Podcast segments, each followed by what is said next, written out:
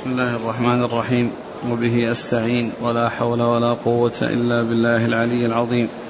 قال الإمام الحافظ عبد الغني بن عبد الواحد المقدسي رحمه الله تعالى قال في كتابه العمده في الأحكام باب التشهد.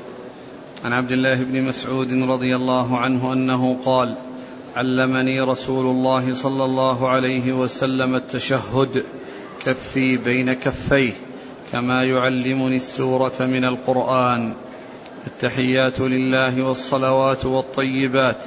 السلام عليك أيها النبي ورحمة الله وبركاته. السلام علينا وعلى عباد الله الصالحين.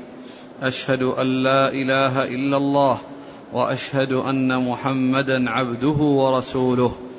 وفي لفظ إذا قعد أحدكم في الصلاة فليقل التحيات لله. وذكره وفيه فإنكم إذا فعلتم ذلك فقد سلمتم على كل عبد لله صالح في السماء والأرض وفيه فليتخير من المسألة ما شاء. بسم الله الرحمن الرحيم. الحمد لله رب العالمين وصلى الله وسلم وبارك على عبده ورسوله نبينا محمد وعلى آله وأصحابه أجمعين.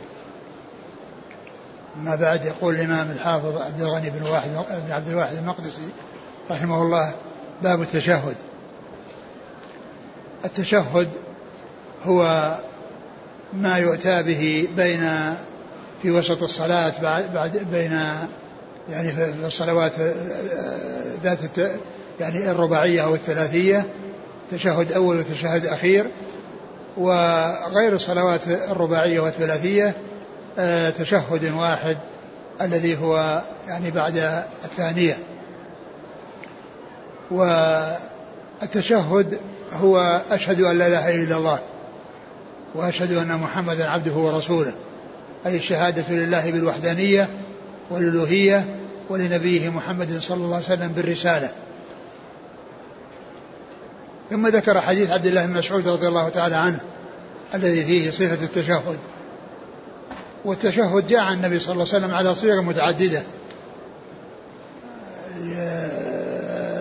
أي واحد منها اختاره مما ثبتت ثبتت به السنة فإنه حق. ولكن بعضها أولى من بعض. وحديث ابن مسعود أو تشهد ابن مسعود هو هو هو أشهرها وهو أصحها وهو أتمها وأظهرها. فيقول عبد الله بن مسعود علمني رسول الله صلى الله عليه وسلم التشهد يعني كفي بين كفيه كما يعلمني السورة من القرآن وهذا يدل على الاهتمام بالتشهد وعظيم شأنه واهتمام النبي عليه الصلاة والسلام بتعليمه وأنه يعلمه أصحابه كما يعلمهم السورة من القرآن وذلك يدل على أهميته وعلى عظيم شأنه وعلى عناية النبي صلى الله عليه وسلم بأصحاب في بتعليمه أصحابهم بتعليمه أصحابه رضي الله تعالى عنهم وأرضاهم كما بين ذلك عبد الله بن مسعود.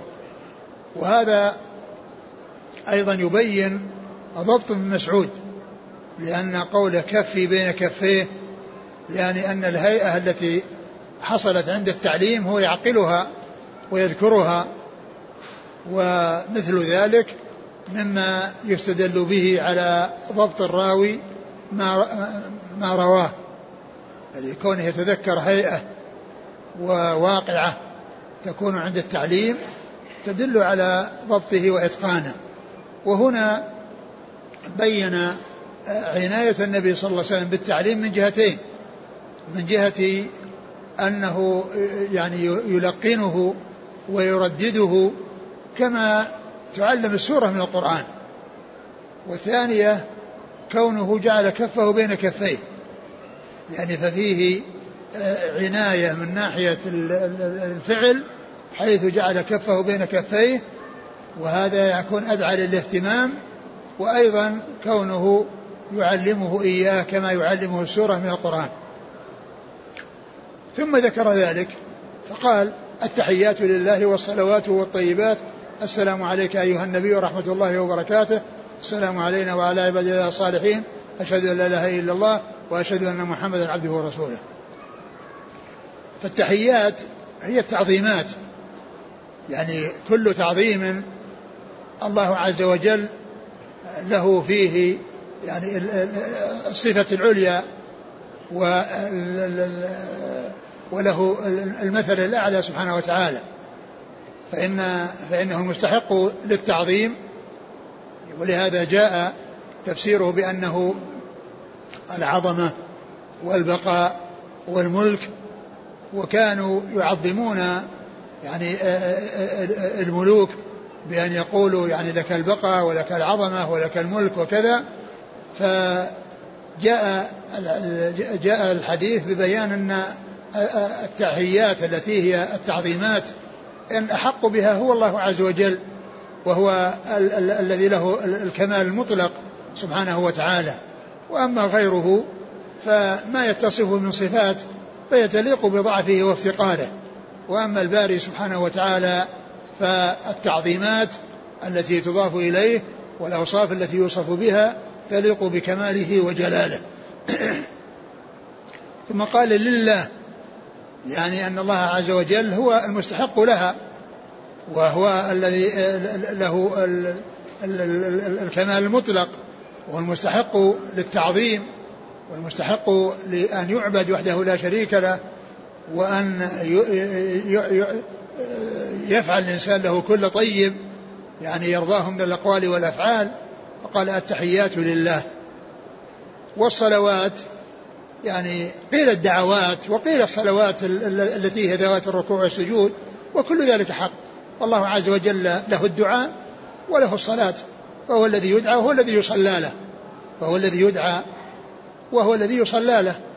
والصلاة آه، كما عرفنا فيما, فيما مضى معناها اللغوي الدعاء ومعناها الشرعي أقوال وأفعال مخصوصة مفتتحة بالتكبير مختتمة بالتسليم.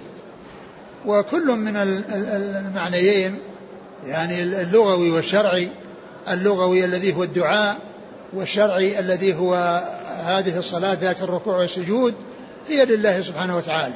فالله تعالى هو الذي يدعى وهو الذي يرجى وهو الذي يصلى له وهو الذي له العبادة وحده لا شريك له. قل إن صلاتي ونسكي ومحياي ومماتي لله رب العالمين. وأن المساجد لله فلا تدعوا مع الله أحدا. قال ربكم ادعوني أستجيب لكم. الذين يستكبرون عن عبادتي سيدخلون جهنم داخرين. والطيبات يعني الطيبات من, من, من, من, كل قول ومن كل فعل. كل طيب وكل آه، من قول وفعل آه، الله عز وجل هو المستحق له سبحانه وتعالى. ف يعني آه، فله الطيبات من الأقوال والأفعال. ف يعني كل ثناء وكل عمل صالح الله عز وجل هو المستحق له وهو له الكمال المطلق سبحانه وتعالى. ثم إنه جاء بالعطف. والعطف يدل على تعدد المعاني. بخلاف بعض التشهدات فإنها جاءت تابعة بعضها لبعض. التحيات التحيات الصلوات الطيبات لله. يعني وأما هنا قال التحيات لله والصلوات والطيبات. فالعطف يدل على تعدد المعاني ولا تعدد ال ال ال يعني إن أنه ليس بعضها وصف لبعض وتابع لبعض بل كل واحد مستقل عن الآخر. ثم لما ذكر تعظيم الله عز وجل والثناء عليه وأنه آآ آآ الذي له التحيات وله الصلوات وله الطيبات. بعد ذلك أتى بالدعاء للرسول صلى الله عليه وسلم. وقال السلام عليك أيها النبي ورحمة الله وبركاته. وهذا دعاء للنبي عليه الصلاة والسلام بالسلامة والرحمة والبركة. وأن يزيده الله عز وجل أن يسلمه الله من كل نقص وأن يزيده من كل كمال يليق بالإنسان. صلوات الله وسلامه وبركاته عليه. السلام عليك أيها النبي ورحمة الله وبركاته. وكان وكان علم ابن مسعود رضي الله عنه وعلم غيره بهذه الصيغة التي هي الخطاب. السلام عليك أيها النبي ورحمة الله وبركاته. ولما توفي رسول الله صلى الله عليه وسلم جاء في بعض الأحاديث في صحيح البخاري أن أنهم كانوا في حياته يقولون السلام عليك أيها النبي ورحمة الله وبركاته.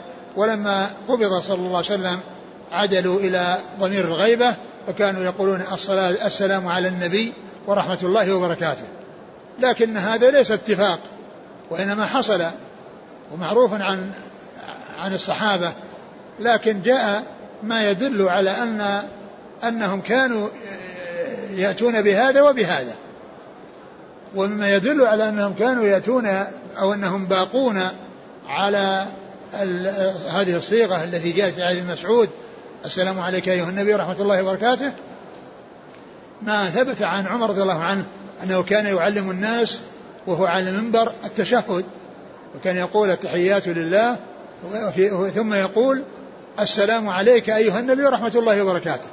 يعني يعلمهم وهو على المنبر في زمن خلافته. فدل هذا على أن الأمر في ذلك واسع. إذا قال السلام عليك أيها النبي ورحمة الله وبركاته هو حق وإن قال السلام على النبي ورحمة الله وبركاته فهو حق.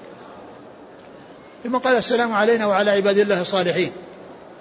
ثم لما أثنى على الله وعظم الله ودعا للرسول عليه الصلاة والسلام دعا لنفسه ولمن كان معه ولكل عبد صالح في السماء والأرض. قال السلام علينا وعلى عباد الله الصالحين. السلام علينا يعني عليه وعلى من حوله وعلى من كان معه وعطف على ذلك ما هو أعم وأكمل فقال وعلى عباد الله الصالحين. ولهذا يعني فإنها تشمل كل عبد صالح في السماء والأرض. تشمل كل صالح عبد صالح في السماء والأرض. والتقييد بالصالحين يدل على أن الصلاح على كل مسلم أن يحرص عليه وأن يكون من أهل الصلاح ليظفر بدعوة كل داع يصلي ويأتي بهذا التشهد. لأن كل مصل يأتي بالتشهد. فيكون له نصيب من هذه الدعوة. يعني من كان من أهل الصلاح وحرص على أن يكون من الصلاح فإن له نصيب من هذه الدعوة من كل داعي ومن كل مصلي السلام علينا وعلى عباد الله الصالحين. السلام علينا وعلى عباد الله الصالحين. ثم قال أشهد أن لا إله إلا الله. أشهد أن لا إله إلا الله. وأشهد أن محمدا عبده ورسوله. وهاتان الشهادتان هما الأساس وهما اللتان يدخل, يدخل فيهما بالإسلام. وأنه لا بد من منهما جميعا ولا بد وهما متلازمتان. لا تنفك إحداهما عن الأخرى. بعد بعثة نبينا محمد عليه الصلاة والسلام لا بد لكل إنسي وجني أن يشهد أن لا إله إلا الله وأن محمد رسول الله. وإلا كان من أهل النار. كما قال عليه الصلاة والسلام في حديث والذي نفسي بيده لا يسمع بي أحد من هذه الأمة يهودي ولا نصراني ثم لا يؤمن بالذي جئت به إلا كان من أصحاب النار. إلا كان من أصحاب النار. أشهد أن لا إله إلا الله وأشهد أن محمدا عبده ورسوله. يعني أشهد أن لا إله أن لا إله حق إلا الله. لأن الآلهة كثيرة. الآلهة بالباطل كثيرة. ولكن الألوهية الحقة إنما هي لله سبحانه وتعالى. ولهذا التقدير لا إله حق إلا الله. لأن قول حق يخرج الآلهة التي ليست بحق والتي هي باطلة والتي هي يعني آه، بعيدة عن الحق والهدى. فالله عز وجل هو الإله الحق وهو الذي له العبادة وحده والآلهة كثيرون ولكن كل إله سوى الله فهو باطل والألوهية الحقة إنما هي لله سبحانه وتعالى. لا إله حق أي لا إله حق إلا الله. فلا النافية خبرها محذوف تقديره حق. ثم بعد ذلك قال وأشهد أن محمدا عبده ورسوله. وهذا فيه وصف النبي صلى الله عليه وسلم بوصفين. كان يعجبانه ويحبهما ولهذا قال لا تطرني كما أطرت النصارى بن مريم إنما أنا عبد فقولوا عبد الله ورسوله. إنما أنا عبد فقولوا عبد الله ورسوله. ف آه، آه، قوله أشهد أن محمدا عبده ورسوله وصف النبي صلى الله عليه وسلم بالعبودية هذا من أخص أوصافه.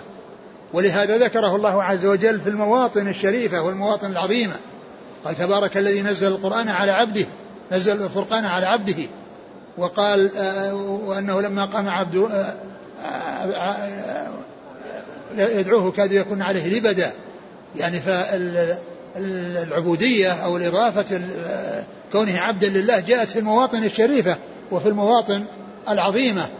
يعني أنه عبد لله ومعنى أنه عبد لله أنه عابد لله والعبد يعبد ولا يعبد.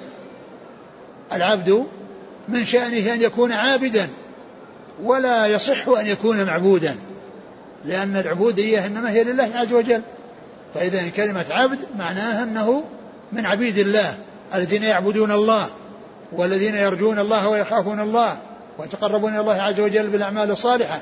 وهو الذي جاء بهذا الدين الحنيف وهو الذي دل أمته على كل خير وقد سبقهم إلى كل خير عليه الصلاة والسلام. وقوله ورسوله يعني الرسول يعني يصدق ولا يكذب. ولهذا فإن يعني قوله أن محمدا عبده يعني النصارى ما جعلوه عبدا جعلوه إلها وجعلوه معبودا وجعلوه ثالث ثلاثة. وكذلك أيضا بالنسبة يعني بالنسبة لعيسى يعني جعلوه بهذا الوصف. وبالنسبة لمحمد صلى الله عليه وسلم أنكروا نبوته وأنكروا رسالته وقالوا إنه رسول إلى العرب. ولهذا يعني آه، ومعلوم أن أن الرسول عليه الصلاة والسلام جاء بالحق والهدى والواجب تصديقه. ومن زعم أنه رسول إلى العرب فهو مكذب له. لأنه آه، قال قل الناس رسول الله إليكم جميعا. ويقول وكان النبي بعث إلى قومه خاصة وبعث إلى الناس عامة. ومن اعترف برسالته يجب تصديقه. وهؤلاء ليسوا صادقين بقوله إنه رسول للعرب لأنهم ما ما صدقوه فيما قال. ولهذا ورسول الله صلى الله عليه وسلم رسول إلى الجن والإنس. ولكن يعني آه، النصارى يعني يقولون إن رسالة إنما هي للعرب ومن كذب رسولا فهو مكذب لجميع الرسل. من كذب رسولا فهو مكذب لجميع الرسل. وهم مكذبون للرسول عليه الصلاة والسلام فيما جاء به وأن رسالته عامة. ولهذا فإنهم من أمته أمة الدعوة كما قال عليه الصلاة والسلام والذي نفسي بيده لا يسمع بأحد من هذه الأمة يهودي ولا نصراني ثم لا يؤمن بالذي جئت به إلا كان من أصحاب النار. فإذا هذان الوصفان من أخص أوصافه عليه الصلاة والسلام وهما العبودية لله عز وجل والرسالة من الله عز وجل فهو عبد لا يعبد ورسول لا يكذب بل يطاع ويتبع. عبد لا يعبد ورسول لا يكذب بل يطاع ويتبع. و ومعنى شهادة أن محمد رسول الله تقتضي أن يصدق في كل ما يخبر, يخبر به وأن يمتثل كل ما يأمر به. وأن ينتهى عن كل ما ينهى عنه وأن يعبد الله طبقا لشريعته وطبقا لما جاء به صلوات الله وسلامه وبركاته عليه. نعم. وفيه فليتخير من المسألة ما شاء. وفيه فليتخير من المسألة ما شاء يعني بعد التشهد يتخير من أدعية ما شاء. وهذا هو الذي استدل به بعض أهل العلم على عدم وجوب الصلاة على النبي عليه الصلاة والسلام. لأنه ذكر التشهد وذكر بعده أنه يتخير. ما قال أنه يفعل كذا أو أن عليه كذا وكذا. وبعض أهل العلم الذين قالوا بوجوبها وأنها ركن من أركان الصلاة يعني ذكروا أن الحديث الذي فيه ذكر الصلاة على النبي صلى الله عليه وسلم أن سببه أن الصحابة رضي الله عنهم رضي الله عنهم وأرضاهم قالوا قد علمنا كيف نسلم عليك. في صلاتنا فكيف فكيف نصلي عليك كيف علمنا كيف نصلي نسلم عليك فكيف نصلي عليك إذا صلينا عليك في صلاتنا؟ يعني معناها أنهم مطلوب منهم صلاة وسلام والسلام على النبي عرفوه بالتشهد والصلاة عرفوها بالجواب الذي أجابهم النبي عليه الصلاة والسلام لما سألوه. قد علمنا كيف نسلم عليك فكيف نصلي عليك إذا صلينا عليك في صلاتنا؟ قال قولوا اللهم صل على محمد. ولهذا اعتبره بعض أهل العلم من من الأمور اللازمة والأمور التي لا بد منها وأنها من أركان الصلاة أي الصلاة على النبي عليه الصلاة والسلام في التشهد الأخير.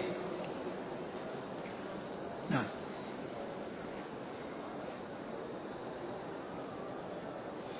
وعن عبد الرحمن بن أبي ليلى أنه قال لقيني كعب بن عجرة رضي الله عنه فقال ألا أهدي لك هدية؟ إن النبي صلى الله عليه وسلم خرج علينا فقلنا يا رسول الله قد علمنا كيف نسلم عليك فكيف نصلي عليك؟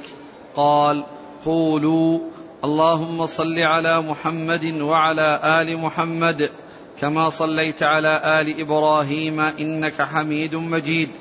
اللهم بارك على محمد وعلى آل محمد كما باركت على آل إبراهيم إنك حميد مجيد. ثم ذكر الصلاة على النبي عليه الصلاة والسلام. ذكر الصلاة على النبي عليه الصلاة والسلام.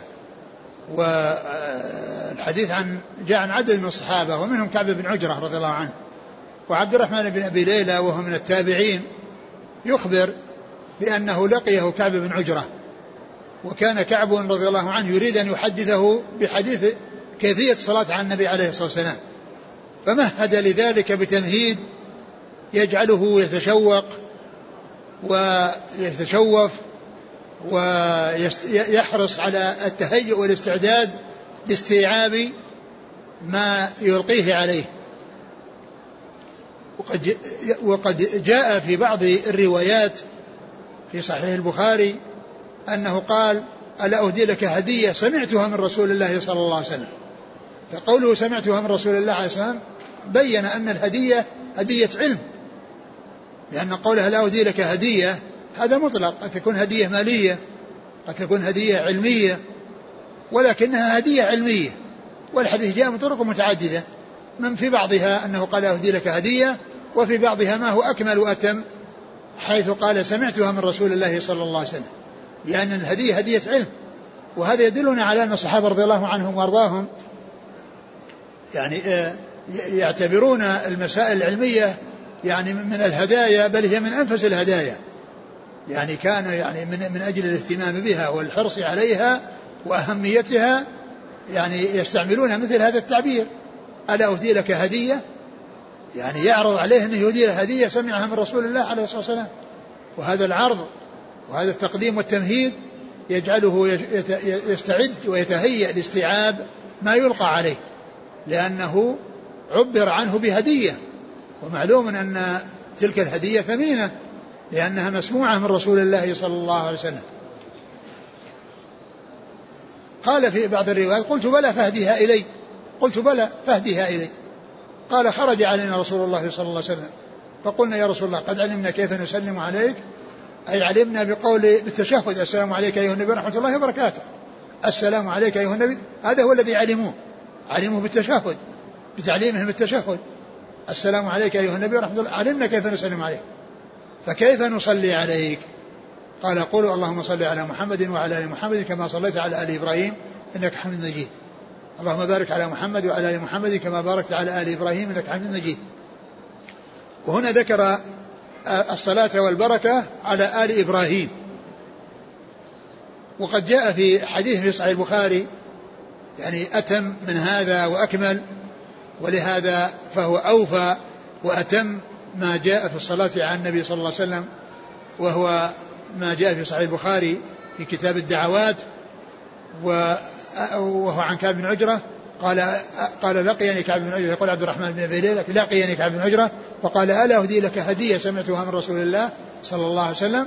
قلت بلى فاهدها إلي. قال خرج علينا رسول الله صلى الله عليه وسلم فقلنا يا رسول الله قد علمنا كيف نسلم عليك وكيف نصلي عليك. قال قولوا اللهم صل على محمد وعلى آل محمد كما صليت على إبراهيم وعلى آل إبراهيم إنك حميد مجيد. اللهم بارك على محمد وعلى آل محمد كما باركت على إبراهيم وعلى آل إبراهيم إنك حميد مجيد. فأكمل الكيفيات هذه الكيفية التي فيها الجمع في الصلاة على النبي في الصلاة على النبي صلى الله عليه وسلم وآله وإبراهيم صلى الله عليه وسلم وآله. يعني هذه أكمل. وإن كانت هذه الرواية التي ذكرها التي أتى بها صاحب العمدة وهي على آل إبراهيم معلوم أن إبراهيم داخل في آل إبراهيم. يعني داخل في آله. أقول هو داخل في آله في لفظ الآل يعني يدخل فيه. هو وآله.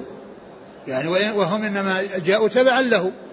وإن إنه إنما وجهته لكن أكملها العبارة أو الصيغة التي فيها التصريح بآل إبراهيم بإبراهيم وآل إبراهيم.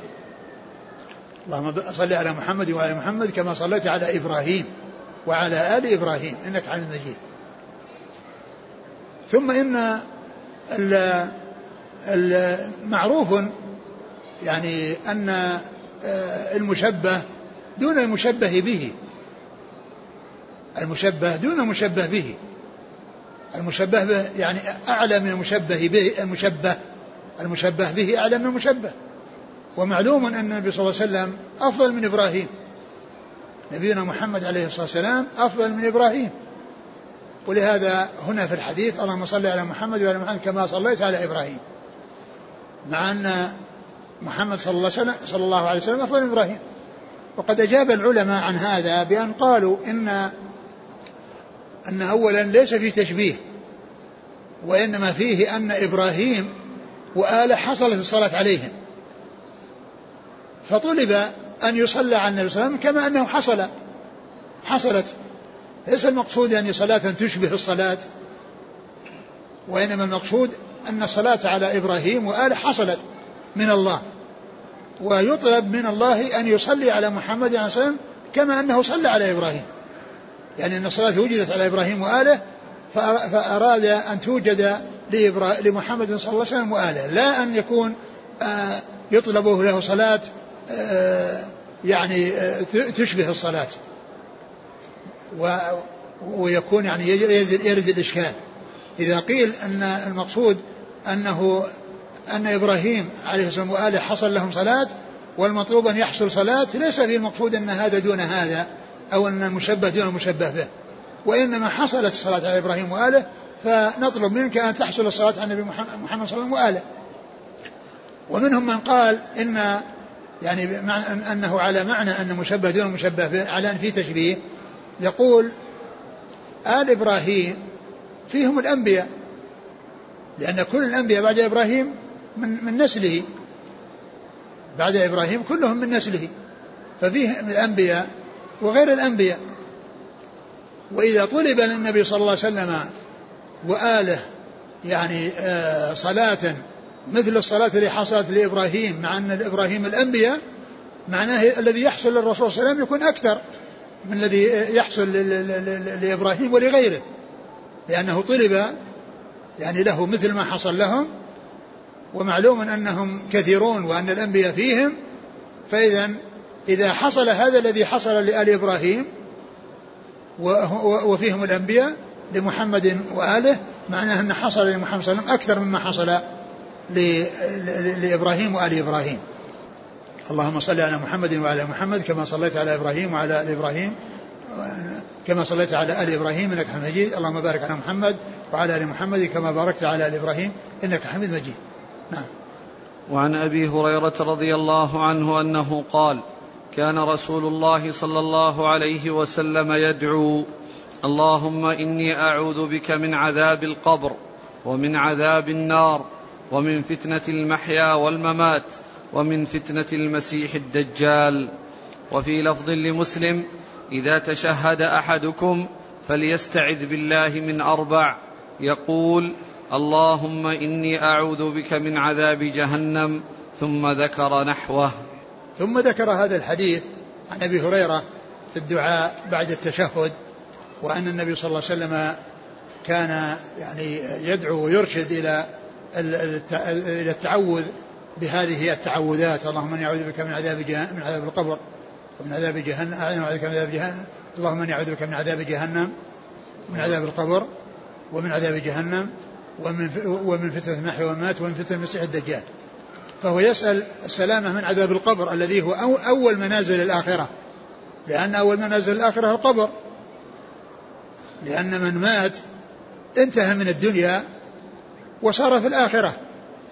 إلا أن الحياة في القبر تختلف عن الحياة بعد البعث. تختلف عن الحياة بعد البعث. إلا أن أن أن أن, أن أنها تابعة لها من ناحية أن من مات فقد آه، خرج من الدنيا ودخل في الآخرة. فإن كان من أهل النعيم ينعم في قبره وينعم بعد قبره وإن كان من أهل العذاب يعذب في قبره أو بعد قبره أو في قبره فقط إذا شاء الله عز وجل أنه لا يعذب في النار إذا عذب في القبر. يعني هو معنى هذا أن هذين التعوذين يتعلقان بعد الموت وفي الدار الآخرة. عذاب من عذاب القبر وعذاب جهنم بعد البعث والنشور. ولهذا جاء في الحديث في القرآن الكريم بيان العذاب لآل فرعون في القبر وبعد القبر حيث قال النار يعرضون عليها غدوا وعشيا يعني وهم في قبورهم. ثم قال ويوم تقوم الساعة؟ أدخلوا آل فرعون أشد العذاب. لأنهم ينتقلون من عذاب شديد في القبر إلى عذاب شديد إلى عذاب أشد في النار. والذي يأتيهم في القبر هو عذاب النار. لأن الذي يأتي للمعذبين في القبور هو عذاب النار كما جاء في حديث البراء. يأتي إذا كان موفقا يأتي يفتح له باب إلى الجنة فيأتيه من روحها ونعيمها وإذا كان بخلاف ذلك يفتح له باب إلى النار فيأتيه من حرها وسمومها. فيأتيه من حرها وسمومها ومن عذاب اللهم نعوذ بك من عذاب جهنم ومن عذاب القبر ومن فتنة المحيا والممات.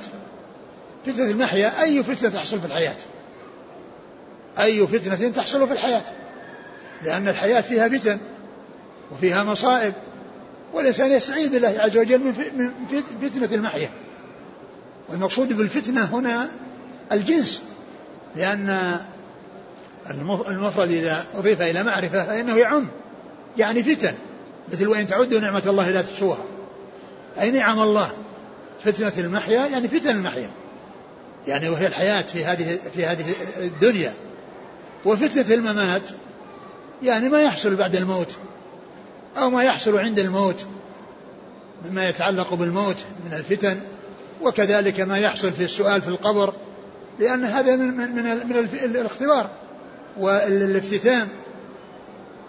ومن فتنة المسيح الدجال التي هي أعظم فتن الدنيا أو من أعظم فتن الدنيا لأن فتنة المسيح الدجال هي في الدنيا وكان ذلك عند قرب قيام الساعة وهي فتنة عظيمة أخبر عنها رسول الله عليه الصلاة والسلام.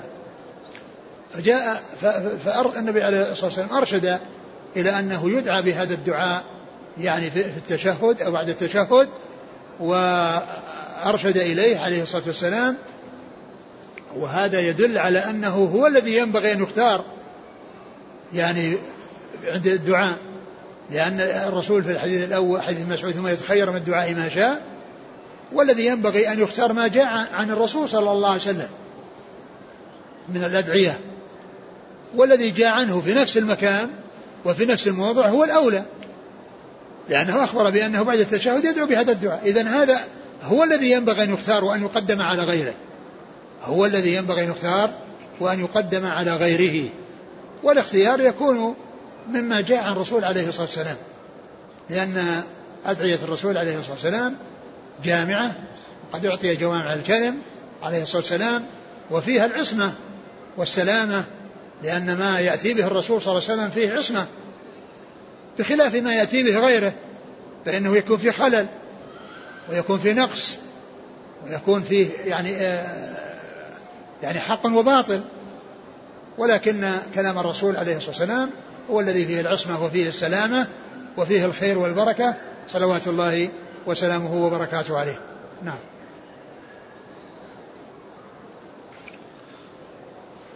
وعن عبد الله بن عمرو بن العاص رضي الله عنهما عن أبي بكر الصديق رضي الله عنه أنه قال لرسول الله صلى الله عليه وسلم علمني دعاء أدعو به في صلاتي. قال قل اللهم إني ظلمت نفسي ظلما كثيرا ولا يغفر الذنوب إلا أنت فاغفر لي مغفرة من عندك وارحمني إنك أنت الغفور الرحيم. ثم ذكر حديث الحديث عن في في طلب النبي صلى الله عليه وسلم طلب أبي بكر الصديق رضي الله عنه من النبي عليه الصلاة والسلام أن يعلمه دعاء يدعو به في صلاته. وهذا يدلنا على فضل الصديق رضي الله عنه ويعني وعلى حرصه على معرفة الأدعية في صلاته أو الدعاء الذي يدعو به في صلاته حيث طلب من النبي عليه الصلاة والسلام أن يعلمه دعاء يدعو به في صلاته. وهذا يدلنا على فضل الدعاء في الصلاة. ولهذا جاء في الحديث أقرب ما يكون العبد من ربه هو ساجد. وقال أما الركوع فعظموا فيه الرب وأما السجود فأكثروا من الدعاء فقمن أن يستجاب لكم. فهذا دال على فضل الصديق ولهذا سأل هذا السؤال بأن يدعو في الصلاة لأن الصلاة مما يستجاب فيه الدعاء كما جاء وأما السجود فأكثروا فيه من الدعاء فقال من أن يستجاب لكم. ومن معلوم أن الدعاء يؤتى به في الصلاة في موضعين يعني في آه، السجود وفي التشهد الأخير. لأن السجود قال فأكثروا من الدعاء فقال من يستجاب لكم والدعاء الأخير قال ثم ليتخير من الدعاء ما شاء ثم ليتخير من المسألة من المسألة ما شاء. فهذا يمكن يأتي به هنا ويمكن يأتي به هنا. يمكن يأتي به في السجود ويمكن يأتي به في التشهد الأخير قبل قبل السلام. فالنبي عليه الصلاة والسلام علمه هذا الدعاء. قال اللهم إني ظلمت نفسي. وهذا فيه أن الإنسان عندما يدعو يعترف بذنوبه ويقر بذنوبه ويقر بخطأه وأنه محل الخطأ وأنه محل الذنوب والمعاصي فيعترف بذنبه وأنه ظالم لها. و اللهم إني ظلمت نفسي. آه اللهم ظلما كثيرا. اللهم إني ظلمت نفسي ظلما كثيرا. يعني وليس مجرد ظلم فقط بل وصف الظلم بأنه كثير. ظلمت نفسي ظلما كثيرا. ويعترف بالظلم ويعترف بكثرته. يعني معناه أنه أهل الخطأ والنسيان ومحل الخطأ والنسيان. وأنه يرجو من الله عز وجل أن يتجاوز عنه أخطاءه ولو كثرت. اللهم إني ظلمت نفسي ظلما كثيرا. ولا يغفر الذنوب إلا أنت. اعتراف بأن المغفرة إنما هي من الله وأنه لا يغفر الذنوب إلا الله فهو الذي يتجاوز عنها. وأرشد الرسول عليه الصلاة والسلام إلى الدعاء الذي يؤتى به للتخلص منها والسلامة منها. فقال ولا يغفر الذنوب إلا أنت. يعني هذه الذنوب الكثيرة والظلم العظيم الكثير الذي حصل مني لنفسي أسألك أن تغفره لي. وأن تتجاوز عني وأن ترحمني فإنك أنت الغفور الرحيم. فإنك أنت الغفور الرحيم. ذكر المغفرة ذكر طلب المغفرة وطلب المغفرة والرحمة ثم أثنى على الله عز وجل باسمين من أسمائه مناسبين للمطلوب. لأن الغفور يرجع للمغفرة والرحيم يرجع للرحمة. والرحيم يرجع للرحمة.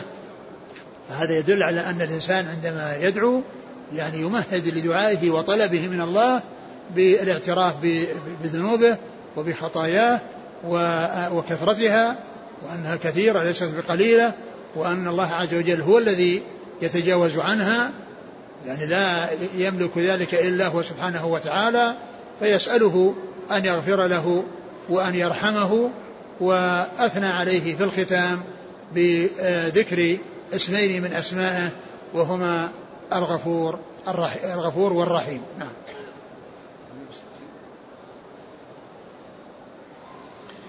وعن عائشة رضي الله عنها أنها قالت ما صلى رسول الله صلى الله عليه وسلم صلاة بعد أن أنزلت عليه إذا جاء نصر الله والفتح إلا يقول فيها سبحانك اللهم ربنا وبحمدك اللهم اغفر لي. وفي لفظ كان رسول الله صلى الله عليه وسلم يكثر أن يقول في ركوعه وسجوده سبحانك اللهم ربنا وبحمدك اللهم اغفر لي. ثم ذكر هذا الحديث عن عن ابن عباس. عن عائشة. عن عائشة رضي الله عنها أن النبي صلى الله عليه وسلم يعني بعد أن نزل عليه إذا جاء نصر الله والفتح يعني كان يكثر أن يقول في صلاته سبحانك اللهم وبحمدك اللهم اغفر لي. وفي لفظ ما صلى رسول الله صلى الله عليه وسلم صلاة إلا قال في ركوعه وسجوده سبحانك اللهم وبحمدك اللهم اغفر لي يتأول القرآن. يعني معناه ينفذ ما أمر به في القرآن ويطبق ما أمر به في القرآن لأنه في القرآن قيل له سبح بحمد ربك واستغفره. فكان يقول سبحانك اللهم وبحمدك ينفذ قوله فسبح بحمد ربك. ويقول اللهم اغفر لي منفذا ومطبقا لقوله واستغفره. ف ولهذا قال يتأول القرآن يعني ينفذ ويمتثل ما أمر به في القرآن لأنه أمر بالاستغفار والتسبيح. أمر بالتسبيح في قوله فسبح بحمد ربك وأمر بالاستغفار في قوله اللهم اغفر لي. فكان عليه الصلاة والسلام بعد أن نزلت عليه هذه السورة العظيمة سورة النصر ما صلى صلاة إلا قال في ركوعه وسجوده سبحانك اللهم وبحمدك اللهم اغفر لي. وهذا الدعاء فيه التنزيه وفيه الثناء على الله عز وجل وتنزيهه عن كل نقص ثم حمده لأن يعني وصفه بالمحامد لأن التسبيح تنزيهه عن النقائص وحمده الثناء عليه بجميع المحامد ثم بعد ذلك طلب بعد أن أثنى على الله عز وجل بما يستحقه من التنزيه والتقديس والتعظيم سأله أن يغفر له. فسأل يعني أتى بالتمهيد الذي هو ثناء على الله ثم ختم بالمطلوب الذي هو طلب المغفرة من الله الذي هو طلب المغفرة من الله. ثم في هذا الذكر في الركوع السجود دليل على أن الركوع يكون فيه دعاء وعلى أن السجود يكون فيه تعظيم. وقد جاء في الحديث عن النبي صلى الله عليه وسلم أنه قال أما الركوع فعظموا فيه الرب وأما السجود فأكثروا فيه من الدعاء فقال من يستجاب لكم. يعني إذا هذا يكثر فيه التعظيم وهذا يكثر فيه الدعاء ولكن يجوز أن أن يعظم الله في الدعاء وأن يدعى في الركوع. لأن قول سبحانك اللهم وبحمدك اللهم اغفر لي فيها فيها يعني ثناء وفيها دعاء. فيها ثناء على الله عز وجل الذي هو تعظيم حيث قال سبحانك اللهم وبحمدك وفيها دعاء. فإذا الركوع يقال في سبحانك اللهم وبحمدك اللهم اغفر لي والسجود يقال في سبحانك اللهم وبحمدك اللهم اغفر لي. فكل من الركوع يكون فيه آه، تعظيم ودعاء. كل من الركوع والسجود يكون فيه تعظيم ودعاء وهذا الحديث يدل على ذلك. وإن كان الغالب على ما يكون في الركوع التعظيم والغالب على ما يكون في السجود آه، الدعاء. نعم. قال رحمه الله تعالى باب الوتر. عن عبد الله بن عمر رضي الله عنهما أنه قال سأل رجل النبي صلى الله عليه وسلم وهو على المنبر ما ترى في صلاة الليل؟ قال مثنى مثنى فإذا خشي الصبح صلى واحدة فأوترت له ما صلى وأنه كان يقول اجعلوا آخر صلاتكم بالليل وترا. ثم ذكر الوتر والوتر هو يعني ختام صلاة الليل يعني وهو يعني أقله ركعة ولا حد لأكثره ولكن الرسول صلى الله عليه وسلم ما كان يزيد على ثلاث عشرة وما كان ينقص عن سبع. فكان يعني يأتي بالسبع ويأتي بالتسع ويأتي بالأحد عشر ويأتي بالثلاثة عشر. فأقل شيء جاء عنه سبع وأعلى شيء جاء عنه ثلاثة عشرة. ولكن التحديد الثلاثة عشرة ليس بلازم بمعنى أنه لا يجوز الزيادة لأنه قال صلاة الليل مثنى مثنى. فإذا خشى أحدكم الصلاة فليأتي بركعة يوتر ما مضى. يعني معناه يصلي ثنتين ثنتين إلى أن يخشى الفجر. فعند ذلك ينهي صلاة الليل بأن يأتي بركعة توتر, لا توتر له ما مضى. فإذا الرسول عليه الصلاة والسلام جاء عنه أربع حالات. يعني جاء عنه ال ال يعني سبع وهي أقل وجاء عنه تسع وجاء عنه آه، إحدى عشرة وجاء عنه ثلاثة عشرة وأكثر ما حفظ عنه وجاء عنه إحدى عشرة ركعة. أكثر ما ورد وأكثر ما جاءت به الأحاديث هو إحدى عشرة ركعة. لكن ليس معنى ذلك أن الإتيان بها أو الاقتصار عليها متعين وأنه لا يجوز الزيادة عليها بل تجوز الزيادة عليها لقوله صلى الله عليه وسلم صلاة الليل مثنى مثنى فإذا خشى أحدكم الصبح أتى بركعة توتر له ما مضى. والوتر هو من آكد النوافل مع صلاة مع ركعتي الفجر. ركعة الفجر والوتر آكد النوافل. والنبي صلى الله عليه وسلم ما كان يترك الوتر ولا ركعتي الفجر لا في حضر ولا في سفر. لا في حضر ولا سفر. وهذا يدل على أهمية الوتر وأهمية ركعتي آه، الفجر. نعم. وقال اجعلوا آخر صلاتكم بالليل وترا. يعني معناها أن أن أن أن أن, أن صلاة الليل تختم بالوتر وأن يكون يعني آه، والأفضل أن يكون ذلك في آخر الليل. نعم. سأل رجل النبي صلى الله عليه وسلم وهو على المنبر. سأل النبي صلى الله عليه وسلم سأل رجل النبي عليه الصلاة والسلام صلى الله عليه وسلم وهو على المنبر ماذا ترى في الوتر؟ وهذا يدل على أن الإمام وهو يخطب يجوز كلامه وكلام من يخاطبه. يعني كلام الخطيب مع غيره وكلام غيره معه سائر لأنه جاء في هذا الحديث أن الرجل سأل النبي صلى الله عليه وسلم وهو عن المنبر فأجابه. وجاء في قصة الرجل الذي سأله أن أن يستغيث وأن يدعو لله يدعو الله للناس فقال يا رسول الله هلكت الأموال وكذا؟ فقال فرفع يديه ودعا. وكذلك أيضا من كون الإمام والخطيب يتكلم مع أحد لأنه لما جاء الرجل الذي جلس وصلى قال أصليت ركعتين؟ قال لا. قال قم فصلي ركعتين وتجوز فيهما. فدل هذا على جواز الكلام من الخطيب يعني بينه وبين غيره. يعني بينه وبين من يكلمه فيجوز تكليم الخطيب ويجوز يعني كون الخطيب يجيب يعني من كلمه وكذلك أيضا يبدأ يعني غيره بالكلام. كما في قصة الرجل الذي جاء وجلس فالنبي صلى الله عليه وسلم بدأ الكلام معه وقال أصليت ركعتين؟ قال لا. قال قم فصلي ركعتين وتجوز فيهما. نعم. وعن عائشة رضي الله عنها أنها قالت من كل الليل قد أوتر رسول الله صلى الله عليه وسلم من أول الليل وأوسطه وآخره فانتهى وتره إلى السحر.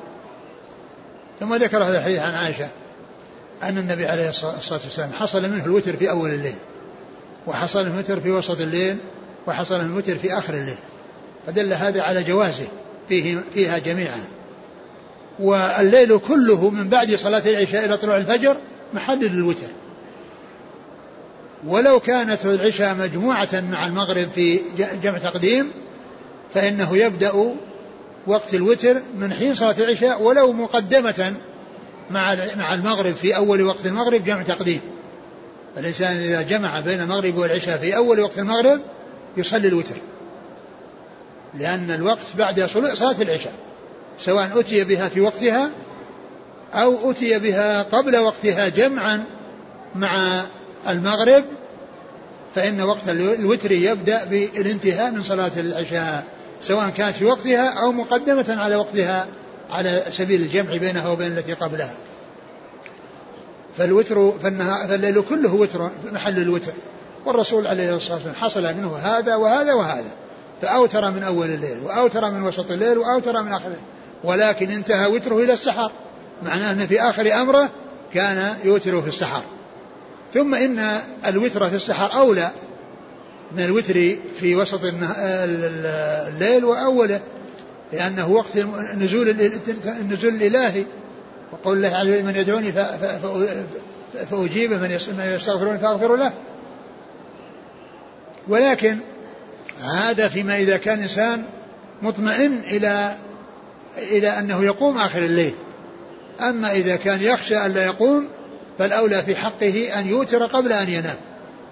يعني حتى لا لا يستيقظ إلا بعد طلوع الفجر فيكون خرج وقته و فيكون وتره والحالة هذه أولى أن تكون في أول الليل.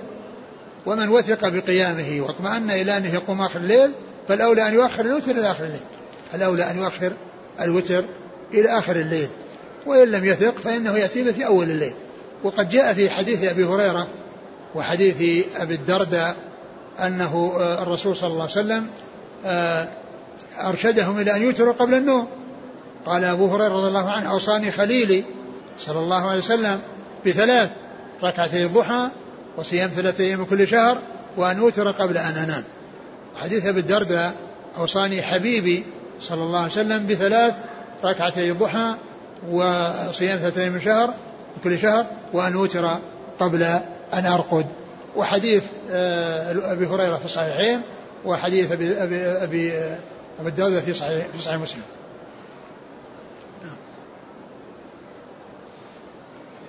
وعن عائشة رضي الله عنها أنها قالت كان رسول الله صلى الله عليه وعلى آله وسلم يصلي من الليل ثلاث عشرة ركعة يوتر من ذلك بخمس.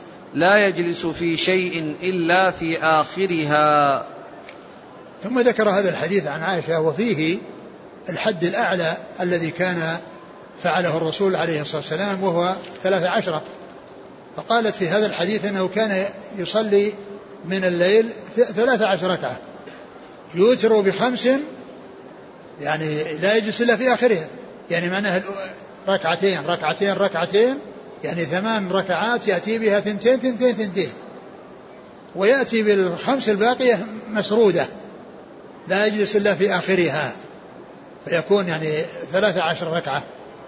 أربع ثمان أتي بها في في أربع تسليمات وخمس أتي بها مسرودة يعني بسلام واحد. وهذا كما قلت هو أعلى ما ثبت عن رسول الله عليه الصلاة والسلام من صلاة الليل. وأنها ثلاث عشرة ركعة.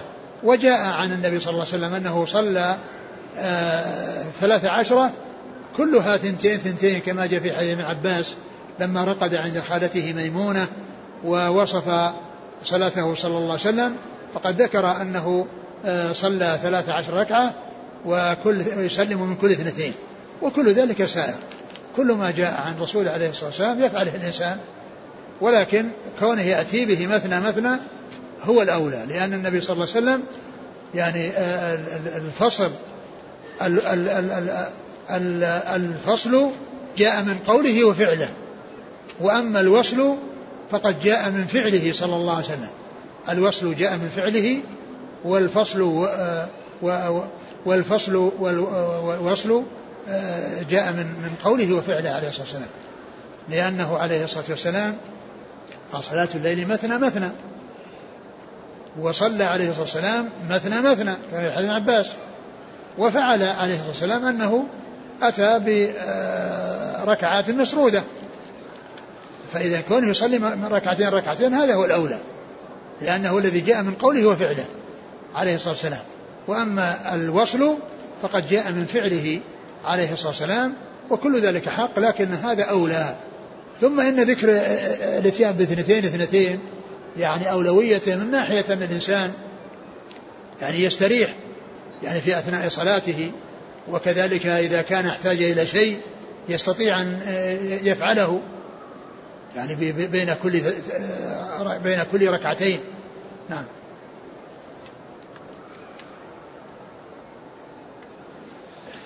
قال رحمه الله تعالى باب الذكر عقيب الصلاة.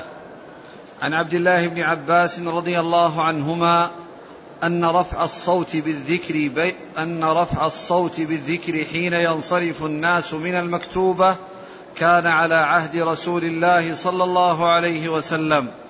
قال ابن عباس كنت أعلم إذا انصرفوا بذلك إذا سمعته.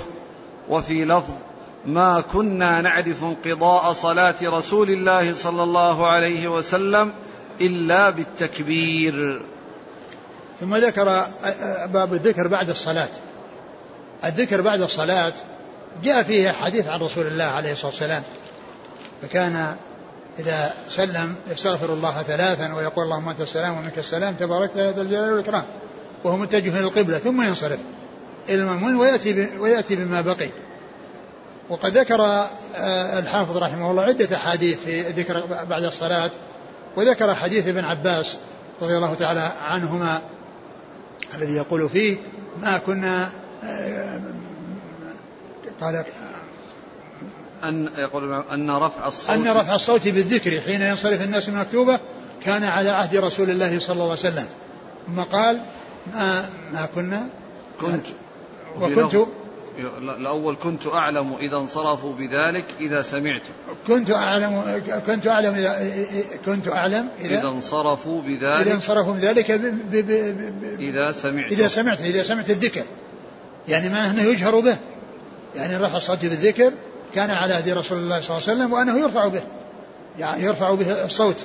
يعني الذي يسمعه أو يسمعه بعض الناس ليس بلازم أنه يرفع رفع شديد وإنما يعني ليس إصرارا يعني معناه أنه يكون مسموعا.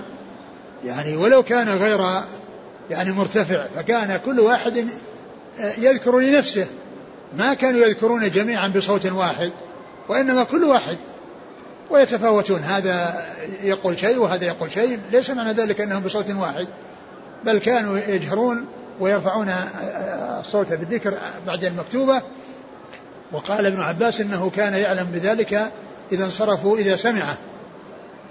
ويقول أن أن رفع رفع الصوت بالذكر كان على عهد رسول الله صلى الله عليه وسلم حين ينصرف الناس من المكتوبة. ثم إنه قال الذكر هنا وهذا ذكر عام. يشمل كل ما يعني جاء في الذكر بعد الصلاة. وجاء في الرواية الأخرى ما كنا نعرف انقضاء صلاه الرسول إلا بالتكبير إلا بالتكبير. ومن المعلوم أن التكبير هو جزء من الذكر. هو جزء من الذكر فإنه ذكر أولا يعني عاما وذكر بعد ذلك شيئا خاصا هو جزء منه. ومعلوم أن التكبير والتسبيح والتحميد موجود بعد الصلاة سبحان, سبحان الله والحمد لله والله أكبر. سبحان الله والحمد لله والله أكبر. هذا هو المقصود. وليس المقصود بذلك أن الإنسان إذا سلم يكبر وأول شيء يقوله التكبير بل أول شيء يقوله أستغفر الله أستغفر الله أستغفر الله. هذا هو الذي جاء عن رسول الله عليه الصلاة والسلام. أنه كان يستغفر. ولكن وكل ذلك ذكر وكل ذلك يرفع به الصوت. وكان ابن عباس يعني كان من صغار الصحابة وكان يعني يصلي في أواخر الصفوف ويسمع يعني الانقضاء لأنه ما كان هناك مبلغين وإنما يعني البعيدين يسمع بعضهم من بعض. يعني فإذا يعني سلم المتقدمون وجهروا بالذكر ورفعوا الذكر عرفه أولئك البعيدون منهم. و و وذكر التكبير يعني ليس معنى ذلك أنه يبدأ به بعد السلام مباشرة وإنما هو من الألفاظ وهو من جملة الذكر الذي يكون بعد المكتوبة. نعم. وعن وراد مولى المغيرة بن شعبة قال أملى علي المغيرة بن شعبة رضي الله عنه في كتاب إلى معاوية رضي الله عنه أن النبي صلى الله عليه وسلم كان يقول في دبر كل صلاة مكتوبة لا إله إلا الله وحده لا شريك له له الملك وله الحمد وهو على كل شيء قدير. اللهم لا مانع لما أعطيت ولا معطي لما منعت ولا ينفع ذا الجد منك الجد. ثم وفدت بعد ثم وفدت بعد على معاوية فسمعته يأمر الناس بذلك. وفي لفظ وكان ينهى عن قيل وقال وإضاعة المال وكثرة السؤال. وكان ينهى عن عقوق الأمهات ووأد البنات ومنع وهات. ثم ذكر حديث المغيرة بن شعبة وقد طلب منه معاوية رضي الله عنه يكتب له يعني بشيء سمعه من رسول الله صلى الله عليه وسلم في ذكر بعد الصلاة. فكتب أو أملى على كاتبه وراد على كاتبه وراد أملى عليه أملى عليه هذا كتابا إلى معاوية مشتمل على هذا الذكر الذي طلبه معاوية. أملى عليه قال أملى علي يعني معناه أنه أملى عليه يكتب رسالة إلى معاوية فيها ما سأله وما طلبه وهو معرفة ما كان آه، ما جاء شيء ما جاء عن النبي عليه الصلاة والسلام من الذكر بعد الصلاة. وهذا يدل على اعتبار الكتابة وأنها يعني معتبرة وأنها مثل المشافهة ومثل السماع فإنها معتبرة يعني عند العلماء والرسول عليه الصلاة والسلام كان يرسل الكتب إلى الملوك ويدعوهم إلى التوحيد فالمكاتبة يعني أو الرواية بالمكاتبة يعني لا شك أنها معتبرة وهي قوية لأن فيها ضبط الشيء الذي آه، آه، يكتب يعني ضبط لأن الضبط يكون ضبط صدر وضبط كتابة. فضبط صدر وضبط كتابة والكتابة فيها ضبط الكتابة. فأملى عليه يعني المغيرة يعني هذا الذي جاء عن النبي عليه الصلاة والسلام لا إله إلا الله وحده لا شريك له له الملك وله الحمد وهو على كل شيء قدير. ثم قال اللهم لا مانع لما أعطيت ولا معطي لما منعت ولا ينفع ذا الجد منك الجد. قوله لا ينفع ذا الجد منك الجد الجد هو الحظ والنصيب. لأن الجد يطلق ثلاث إطلاقات. الجد بفتح الجيم يطلق ثلاث إطلاقات. يطلق بمعنى الحظ والنصيب ومنه هذا الحديث. ولا ينفع ذا الجد منك الجد. يعني لا ينفع صاحب الحظ حظه عندك وإنما ينفعه العمل الصالح. لا ينفع صاحب الحظ والغنى غناه وماله وجاهه عندك وإنما ينفعه عندك العمل الصالح. فإذا لا ينفع ذا الجد مفعول مقدم. يعني ذا الجد مفعول مقدم. لا ينفع ذا الجد جده. يعني لا ينفع صاحب المال ماله. ولا ينصح صاحب الغنى غناه. وإنما ينفعه العمل الصالح. والجد يراد به الحظ والنصيب. وهذا منه. ويطلق على يعني أبو الأب والأم. يقال له جد. ويطلق على العظمة والجلال. ومنه قول ما ذكره عن الجن وأنه تعالى جد ربنا. يعني عظمته وجلاله. وأنه تعالى جد ربنا. ومنه أيضا في دعاء الاستفتاح. وتعالى جدك. يعني جدك يعني عظمتك وجلالك. هذا إذا كان فتح الجيم. وأما بكسرها فالمقصود به الجد والإجتهاد. الذي هو مقابل الكسل والخمول. الجد. ولهذا يقول الشاعر الجد بالجد والحرمان بالكسل الجد بالجد. يعني الجد اللي هو الحظ والنصيب يحصل بالجد والاجتهاد والحرمان بالكسل. والحرمان يعني نتيجته الكسل والجد نتيجته الحظ والنصيب. الجد بالجد والحرمان بالكسل. فانصب تصب عن قريب غاية الأمل. نعم. ثم وفدت بعد على معاوية فسمعت يأمر الناس بذلك. يقول وراد ثم وفدت على معاوية يعني بعد ذلك فرأيته يأمر الناس بذلك يعني هذا الذي يعني كتب به إليه المغيرة بن شعبة كان يأمر الناس به ويرشدهم إليه حتى يفعلوه وهذا يدل على ما كان عليه أصحاب الرسول عليه الصلاة والسلام من الحرص على معرفة السنن ومن الحرص على تبليغها لأن كونه يكتب إلى المغيرة من أجل أن يعني يخبره بشيء عرف علمه عن رسول الله عليه الصلاة والسلام في الصلاة في الذكر بعد الصلاة يدل على حرصهم على معرفة السنن وأخذها وتلقيها. وكونه يأمر الناس بذلك يدل على حرصهم على تبليغها. فعندهم الحرص على التحمل والأداء. التحمل من غيرهم وأداؤهم لغيرهم وأداؤهم لغيرهم. ثم وقال وكان ينهى. نعم وكان ينهى عن قيل وقال. وكان ينهى عن قيل وقال وكثرة السؤال وإضاعة المال. هذه الثلاث عن قيل وقال يعني عن الاشتغال بكلام الناس وقال فلان كذا وقال فلان كذا يعني يشغل نفسه ب بأن يحدث بكل ما سمع. يحدث بكل ما سمع. فيشغل نفسه بالقيل والقال. وكذلك كثرة السؤال يعني سواء كان السؤال في المسائل العلمية على سبيل التعنت وعلى سبيل التنطع أو السؤال للمال يعني من غير أمر يقتضيه. ومن غير أن يكون من أهله يعني من أهل السؤال يعني سؤال المال لأن آه، الإنسان يسأل إذا كان محتاجا وكان هناك أمر يقتضي سؤاله. أما أن يشغل نفسه بسؤال الناس فإن هذا مذموم وهو مما يدخل تحت هذا الحديث. وإضاعة المال بأن يضيع الإنسان ماله يعني إما بأمر محرم أو يضيع يضيع في أمر مباح ولكن مع الإسراف.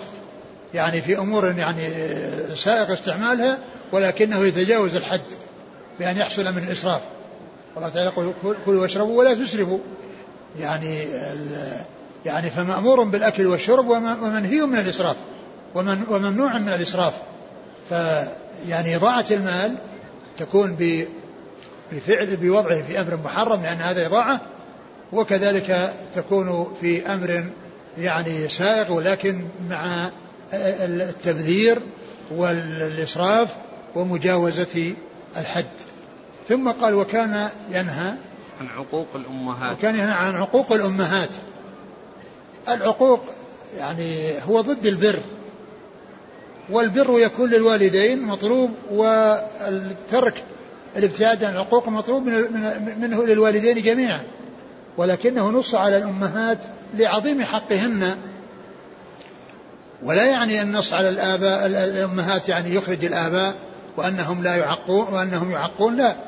وإنما البر جاء يعني آه، الثناء على أهله ومدح أهله والعقوق جاء التحذير منه وذم أهله و وجاء التنصيص على الأمهات في هذا الحديث لعظم حقهن وذلك أن قمنا ما قمنا به أكثر مما قام به الأب وذلك لما يحصل لهن من الضرر عند الحمل وعند الولادة وعند التربية والإرضاع وفي جميع أحواله ما دام صغيرا أمه هي التي يعني ولهذا صار لها حق حق حق من الأب ب ب يعني ب بأضعاف مضاعفة. يعني الرجل يسأل النبي صلى الله عليه وسلم قال أمك ثم قال أمك وقال أمك ثم قال أباك. لأن أمه لها حق عظيم. ولهذا تنصيص على حقوق الأمهات ليس لمنع أو لأن الآباء بخلافه وإنما المقصود هو بيان عظيم حق الأمهات وأنهن أكثر وأعظم يعني تحملا وأعظم آه، تعبا ونصبا من الآباء. ووأد البنات يعني يعني كانوا يدفنونهن في التراب وهن حيات يعني خشية العار وخشية الفقر. خشية العار بأن يحصل منها شيء يعني يصير عار عليهم ومذمة عليهم وأيضا يعني خشية الفقر ومنع وهات. يعني يكون الإنسان جموعا منوعا يعني يجمع يأخذ ولا يعطي. يعني يجيد يجيد هات ولا ولا ولا يجيد خذ. عنده هات وليس عنده خذ. وهو جموع منوع. آه، يحرص على الأخذ أو الوصول الشيء إليه من أي طريق سواء من طريق حلال أو طريق حرام. بعض الناس لا يبالي. المهم أن يصل إلى اليد. تعريف الحرام تعريف الحلال عند من لا يتقيد بالحلال والحرام الحلال ما حل في اليد. ما دام إنه وصل اليد خلاص هذا هو الحلال. من أي طريق؟ والحلال في الإسلام ما حله الله ورسوله. صلى الله عليه وسلم. والحرام ما حرمه الله ورسوله. فإذا مما يعني مما جاء النهي عنه وكراهيته يعني منع وهات. أن يكون الإنسان يعني يحرص على الأخذ ولا يحرص على الإعطاء. فهو جموع منوع ولهذا جاء في القرآن ذم المطففين الذين يستوفون حقهم ويبخسون حق غيرهم حيث قال الله عز وجل ويل للمطففين الذين إذا اكتالوا على الناس يستوفون وإذا كالوهم أو وزنوهم يخسرون إذا اكتالوا على الناس يستوفون وإذا كالوا لغيرهم يبخسون. يبخسون المكاييل والموازين لأنهم يريدون لأنفسهم ولا يريدون لغيرهم. والرسول عليه الصلاة والسلام. قال من أحب أن يزحزح عن النار ويدخل الجنة فلتأتيه منيته وهو يؤمن بالله واليوم الآخر وليأتي إلى الناس الذي يحب أن يؤتى إليه. يعني يعامل الناس بمثل ما يحب أن يعاملوه به. وقال عليه الصلاة والسلام لا يؤمن أحدكم حتى يحب لأخيه ما يحب لنفسه. آه والله تعالى أعلم وصلى الله وسلم وبارك على عبده ورسوله نبينا محمد وعلى آله وأصحابه أجمعين. جزاكم الله خيرا وبارك الله فيكم. ألهمكم الله الصواب ووفقكم للحق ونفعنا الله ما سمعنا وغفر الله لنا ولكم وللمسلمين أجمعين. سبحانك اللهم وبحمدك أشهد أن لا إله إلا أنت أستغفرك وأتوب إليك.